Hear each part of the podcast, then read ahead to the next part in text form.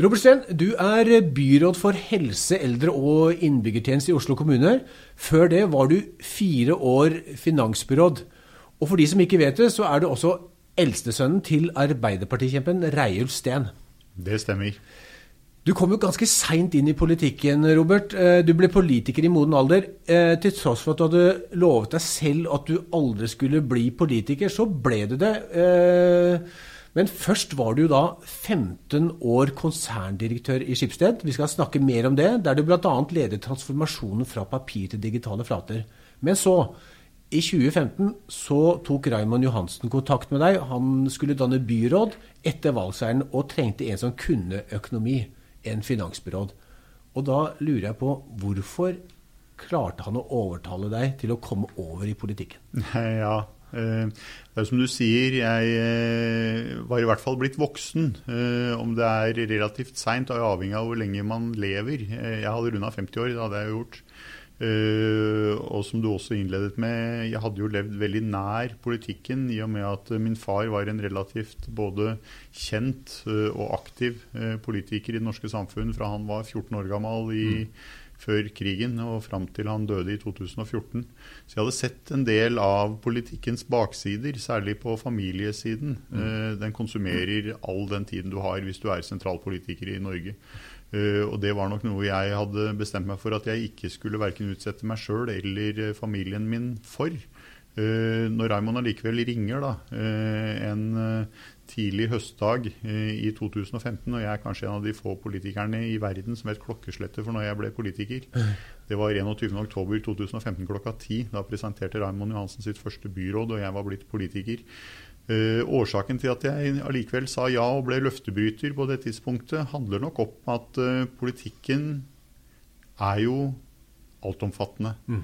Den betyr noe for alle innbyggerne i samfunnene våre.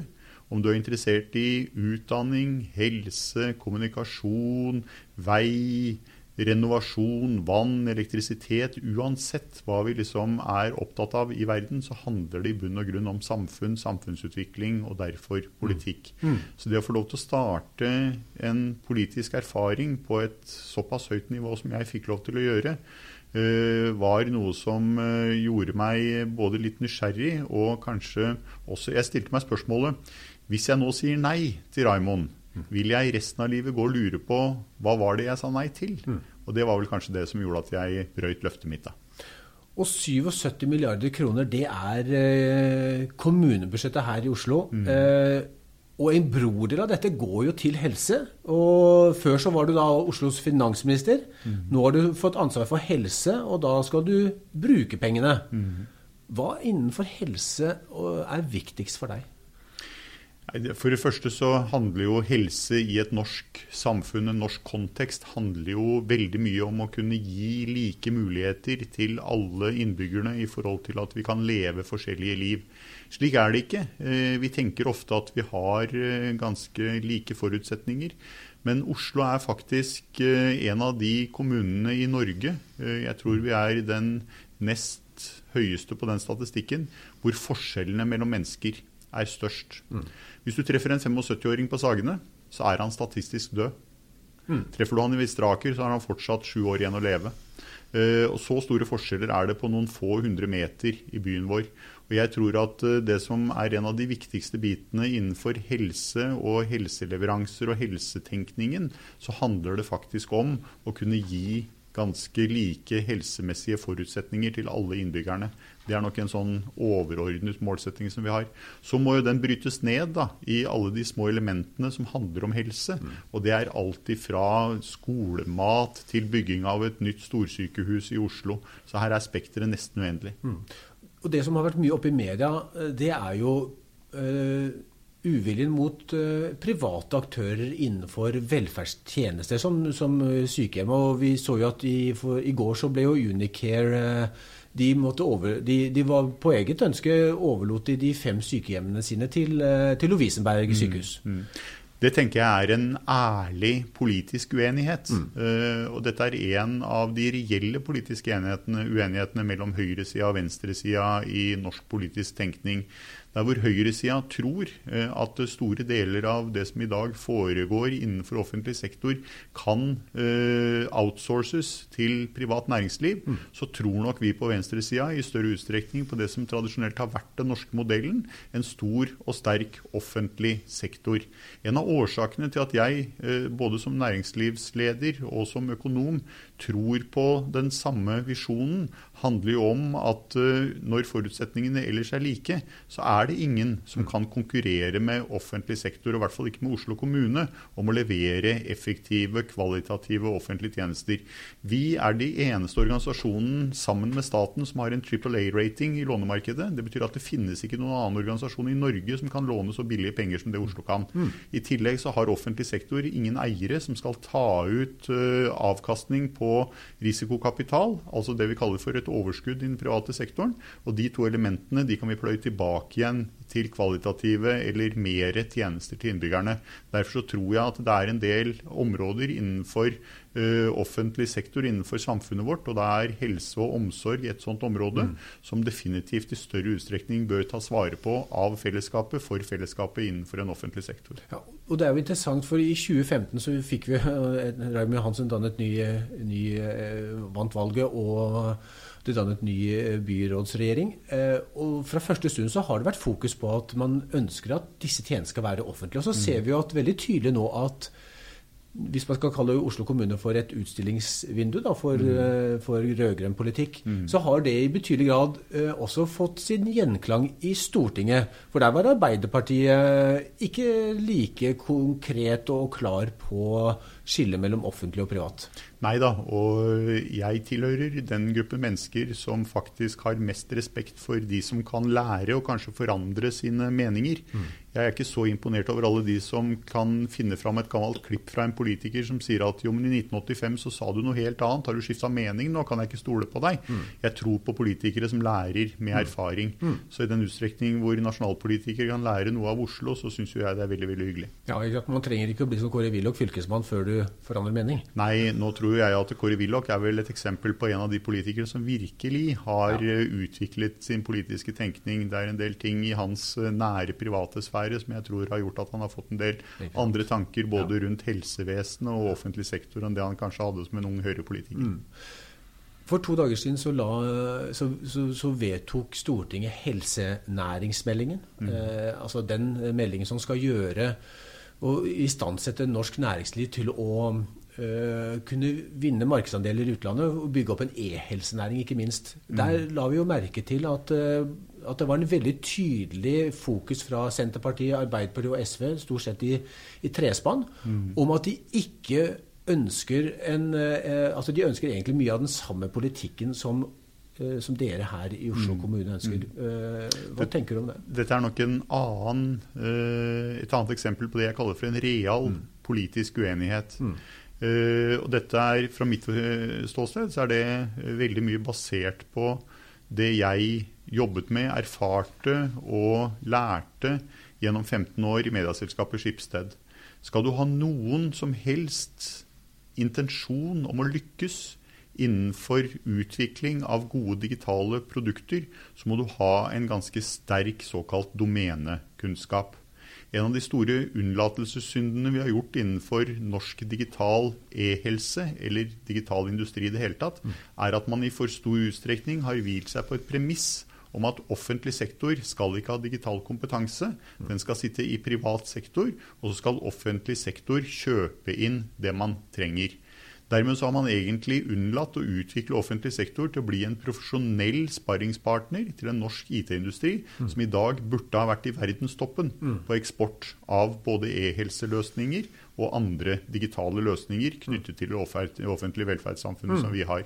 For det er ingen andre land i verden som har en bredere eller dypere offentlig sektor enn det vi i Norge har. Mm. Det er veldig få, om noen land, som har en så stor og bred digital modenhet som det norske samfunnet har. Og vi er ganske kunnskapsrike og har også kapitalen. Så vi har alle komponentene som skulle til for at vi hadde vært verdensledende på disse områdene. Mm. Men vi har for stor utstrekning hvilt oss på en tro som er i og for seg høyresidas tenkning, at kompetanse innenfor digitalisering skal ikke skje i offentlig sektor, den skal kun skje i privat sektor. Mm. Dermed har vi også tatt fra oss sjøl disse mulighetene. Ja, ikke sant? Men vi så jo også at eh, de tre Arbeiderpartiet, Senterpartiet og SV de var veldig tydelige på at de, de, de, de virket nærmest mer næringsvennlige eh, enn enn regjeringspartiene.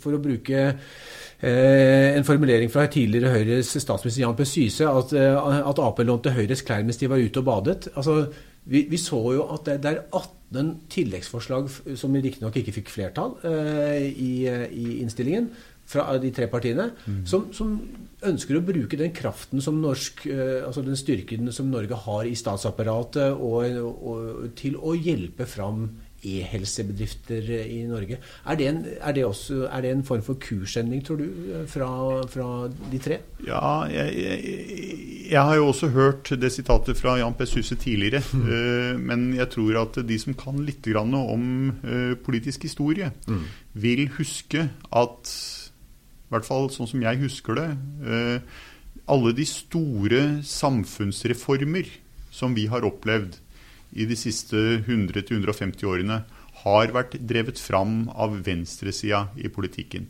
Det er veldig få store samfunnsreformer du finner spor av høyresida. Høyresida har veldig klassisk konservativistisk tenkning, som i mye større utstrekning handler om å bevare enn å utvikle.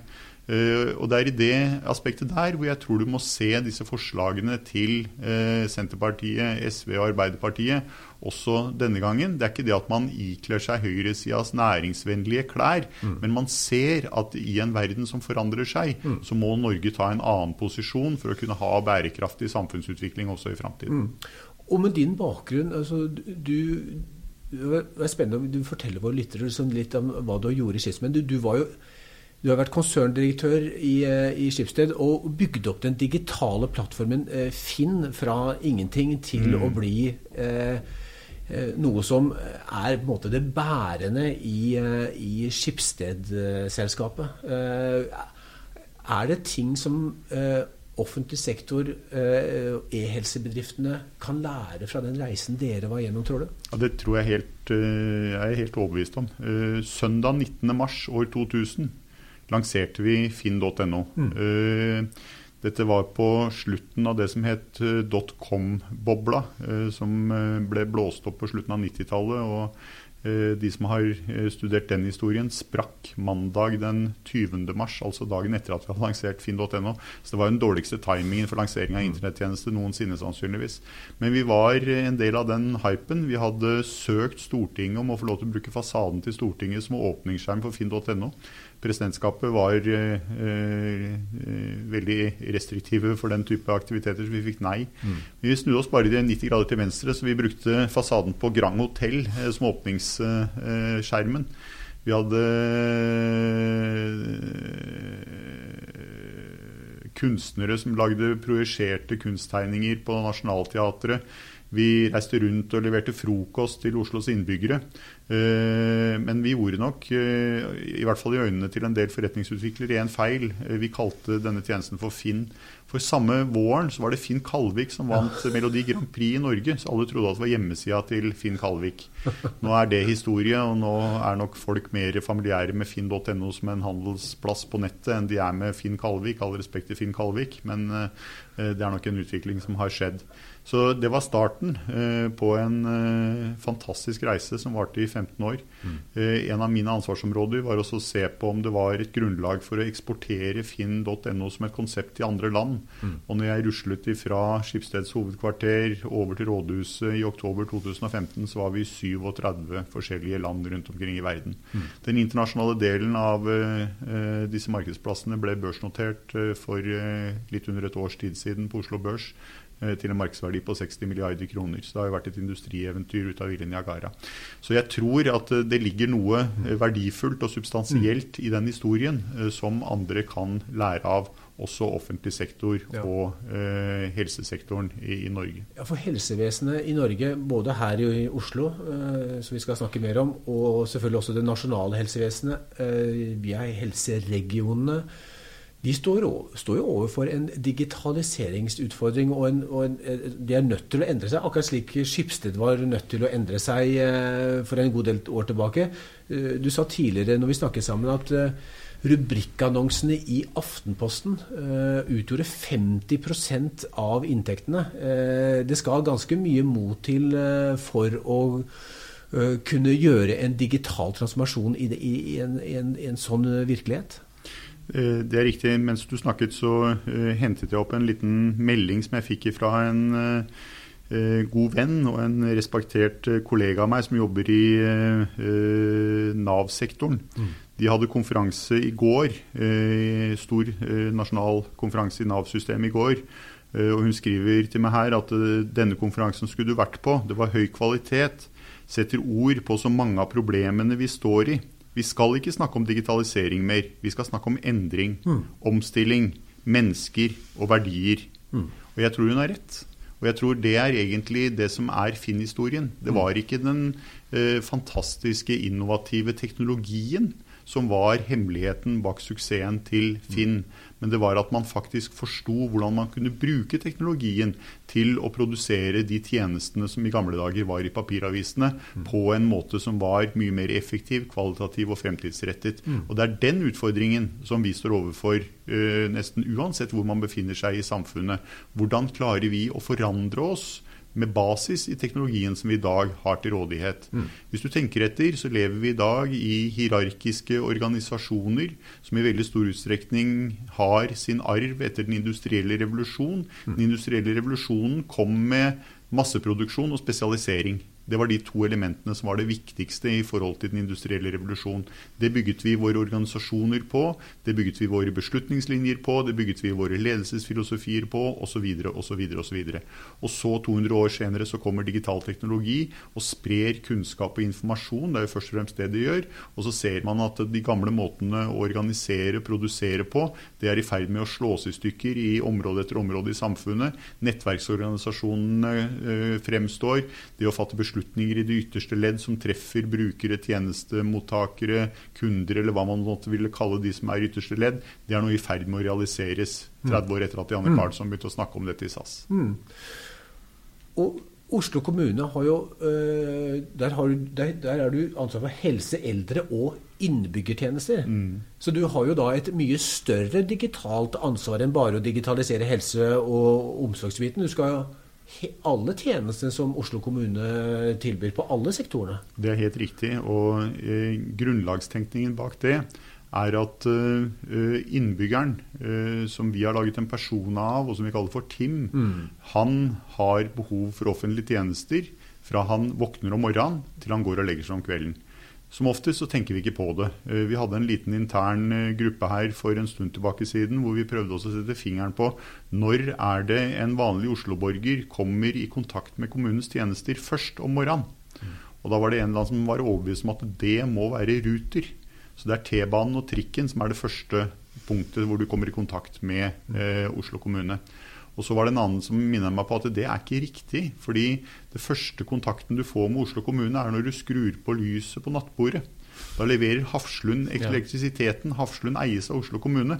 Så går du på badet og skrur på vannet som kommer fra vann- og avløpsetaten. Mm. Så du er i kontakt med i hvert fall to av de store etatene i Oslo kommune lenge før du kommer til rutersystemet og skal begynne å kollektivtransportere deg til en barnehage eller en skole osv. Så, videre, og så, videre, og så, så det betyr at uh, Oslo kommune har kontakt med innbyggeren sannsynligvis titalls eller hundretalls av ganger mm. per dag. Mm. Og Det er i det aspektet hvor helse er en del av det, mm. men kun en del av det. Og det er det hele mennesket som vi skal bruke teknologi og teknologiforståelse i forhold til å betjene i framtidens mer digitale verden. Så helse må ses på som et element av de offentlige tjenestene.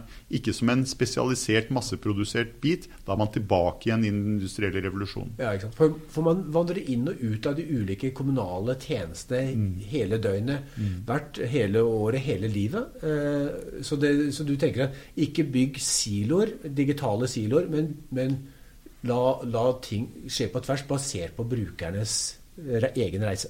Det er helt riktig. og Noen steder så begynner man også å se konturene av at det er flere som tenker i den samme retning, dog ikke så langt. Mm. Eh, samordningsreformen eh, sier jo noe om dette. Hvordan skal vi få sømløse pasientreiser mellom spesialisthelsetjenesten, sykehusene mm. og eh, tilbakekomsten til kommunens eh, hjemmehjelpssystemer osv. osv. Mm. Hvordan gjør vi dette mest sømløst? Så Det er jo mange som tenker på dette innenfor helsefaget. Det jeg sier er at eh, vi skal ikke stoppe ved helsefaget. Og, det ser vi jo. En av de store bekymringene som vi har sett i Dagsrevyen de siste månedene, handler jo om transport transporten fra sykehusene og hjem. Ja. Fordi taxitjenestene fungerer ikke. Når transport er en del av kollektivleveransene til offentlig sektor, mm. så er det jo helt naturlig at kollektivtjenestene må tenkes inn som en del av den integrerte leveransen i en sømløs pasientreise for innbyggerne. Mm. Og Da ser du hvordan Ruter-systemet bør tenkes som en integrert del av e-helse biten. Mm. Og det kan du bare bygge på videre og videre. og videre. Velferdsteknologien går jo veldig fort over i leveransene fra Hafslund, mm. strømmen, mm. og fra vann- og avløpsetaten, vannet osv. Osv. osv. Slik at boligen eh, til, eh, til, den som kommer fra sykehuset eller fra eldreomsorgen eh, og skal hjem til egen bolig, at boligen også er tilpasset endrede behov. Det er helt riktig. Og så er det mange som vil høre dette, og så sier de dette her er så uh, vidløftig, det er så langt fram, mm. det er så uh, urealistisk å kunne tro på et sånt bilde at denne Robert Steen er nå ute og flyr så det holder. Men jeg tror allikevel at vi er nødt til å ha en eller annen visjon som er mm. langt der framme, mm. for å sikre at vi tar de riktige stegene i dag på den reisen som egentlig burde være med dette som en målsetting. Eh, for Hvis ikke så kommer vi til å kunne gjøre disposisjoner innenfor visse deler av samfunnet vårt, f.eks. helsesektoren, som kan vise seg å gi store problemer i forhold til å koble på de neste delene av denne veien mot en slik visjon. Så har vi jo tre forvaltningsnivåer i Norge. Kommuner, fylkeskommune og stat. Eh, men innenfor helse er det jo kommune og, stat som er viktig. Og der, nå jobbes det jo eh, med store gigantiske eh, IT-prosjekter i det offentlige, mm. i regi av Direktoratet for e-helse. Eh, der skal det nå lages en, eh, et prosjekt som heter Akson, som kommunal journal, eh, mm. som jeg vet at du har klare meninger om. Om det er det rette svaret for å digitalisere helsevesenet i Norge? Ja og nei. Det jeg har sagt, er at jeg tilslutter meg fullstendig målbildet til Akson. Mm. Uh, altså at man skal kunne ha tilgang på helsedata sømløst, nesten uansett hvor man måtte ha brukt for dem i samfunnet. Så skulle jeg befinne meg tilfeldigvis uh, i Finnmark uh, og bli akutt syk, så er det veldig uh, behagelig og nødvendig for meg at den legen eller det sykehuset i Finnmark som jeg oppsøker, mm. har tilgang til mine helsedata. Mm. Så målbildet deler jeg. Mm. Men dersom veien til et sånt målbilde handler om et gigantisk oppkjøp som skal leveres om mange, mange år, mm. da tror jeg man har festet seg i en gammeldags måte å tenke hvordan vi skal nyttiggjøre oss teknologien på. Og da ser du hvordan eh, poenget mitt med at eh, du må ha et større målbilde mm. eh, for eh, hånden. Og så må du forstå at for å komme dit, så må jeg egentlig lage en stegvis prosess som er både modulær, fleksibel og dynamisk nok til å kunne henge på andre ting. Og da kan jeg ikke bestemme meg, låse meg i et prosjekt som jeg beskriver nå, og som jeg legger ut på et stort, globalt, gigantisk anbud, og som leveres av en leverandør til gitte premisser en eller annen gang i framtiden. Mm. Så hvis det er det som det legges opp til prosessuelt i forhold til å levere på det målbildet, da er jeg skeptisk. Mm. Altså Det var jo Arbeiderpartiet, eh, og da Jonas Gahr Støre var helseminister, som, som for 28 år siden som lanserte eh, visjonen om eh, én innbygger, én journal. Og det kom en stortingsmelding også om dette, som fikk full tilslutning i, Stortinget. Og, og, det er jo en av grunnene til at man har satt i gang et stort arbeid med, med dette, bl.a. Akson. Men, men vi, er, vi, snakker jo med mange eh, aktører, ikke minst som, bedrifter som leverer e-helsetjenester. Vi snakker med Abelia. Og hvis jeg skal prøve å summere opp det de sier, så er de veldig fryktelig redd for at det nå skal bli et, et, et sånn et enhetlig system. Altså at det virker som det er blitt fra å gå fra én innbygger, én journal, så har det nærmest blitt sånn at det skal, fra Helsedirektoratets side skal være det er blitt én innbygger, ett journalt system. Mm. Eh, Istedenfor at man kan la de tusen blomster blomstre. Mm. Hva, hva, tenker du om det? Nei, jeg, jeg, tror de som tenker sånn, tenker veldig likt som meg. Eh, jeg tror også Eh, det du innleder med. Eh, det er riktig at det var Jonas Gahr Støre som var helseminister i 2012 da mm. denne ideen ble lansert gjennom stortingsmeldingen. Mm. Og som jeg sier, eh, det målbildet som ble egentlig gitt den gangen, var et riktig målbilde. Og jeg støtter fullt opp under det fortsatt. Mm. Men i 2012 så var vi vel i Oslo kommune midt oppi noe vi kaller for Flexus-skandalen. Eh, Ruter hadde etablert et billettsystem, eller prøvde å levere et billettsystem med store digitale avlesningssystemer på alle T-banestasjoner og trikkestasjoner, eh, og som gikk så til de grader ad undas. Det gikk så gærent at eh, man måtte bytte sjef i Ruter, og de lagde et omdømmeprosjekt som egentlig skulle ta tilbake litt av publikums tiltro til Ruter-systemet, og det er det vi i dag kjenner som Ruter-appen. Mm, mm. I dag går 70 av all omsetning til Ruter over den appen, ja. som i utgangspunktet ikke ikke var ment å skulle være noe annet enn et omdømmeprosjekt, men som egentlig har blitt grunnlaget for hele deres forretningsidé framover. Eh, så vi er jo et annet sted i 2019 i forhold til hvordan vi skal realisere våre målbilder enn der vi var i 2012. Det jeg føler litt og håper er feil, det er at de som har blitt satt til å realisere det målbildet om én innbygger, én journal, de lever fortsatt etter en form å tenke på som det man hadde i 2012. Mm. Og det vil i så fall være en kardinalfeil. Ikke sant? At man eventuelt, altså Det som vi helt konkret hører? Nå har man jo valgt I Helse Midt så, så har man valgt Epic som, som, den foregangsmodellen. Og så er man redd kanskje for at det blir et, eh, en Epic-løsning i resten av Norge. Og så plutselig så Det er et relativt gammeldags eh, og, og legacy-basert system eh, som, som fort kan gjøre at norske e-helsebedrifter ikke kommer inn og får da en, en stor økonomisk utfordring eh, på dette. Ja, altså Det er mange aspekter med det. Eh, hvis dette skulle bli et utfall av en kjempeinvestering, om man snakker om i størrelsesorden over 10 milliarder kroner, mm. så er det flere ting som skjer. For det første eh, så vil det båndlegge sannsynligvis ressurser innenfor e-helse fra det offentlige systemet i mange, mange år framover. Det betyr at eh, vi har ikke mange alternative eh, Eller vi har ikke noen andre prosjekter som da vil bli kjørt veldig tungt i denne perioden. Og Det betyr at vi har i tillegg til en direkte kostnad, så har vi også en alternativ kostnad av en slik beslutning. Jeg eh, er jo blant de som syns det var trist at ikke man tenkte mer helhetlig når man ga momsfritak på elbiler i sin tid. Mm. I dag, i etterpåklokskapens rosenrøde lys, så burde man ha tatt en telefon til Elon Musk og så burde man sagt til Elon at vi tenker nå å innføre momsfritak på elbiler. Hvis vi gjør det, så kan det hende at det har en boost for din Tesla-idé. Hvis vi gjør dette, kunne vi gjort en avtale om at du f.eks. hadde bygd en svær batterifabrikk på et jorde utafor Moss, hvor vi har en flyplass i dag som ikke kommer til å vare evig. Kan det være en deal vi gjør? Og jeg er helt sikker på at Elon Musk på det tidspunktet ville sagt ja. Vi gjorde ikke det. Vi innførte momsfritaket. Eh, vi har gitt eh, en åpning for en elbilindustri og for en batteriproduksjonsindustri globalt, som har vært et ganske stort mm. oppsving.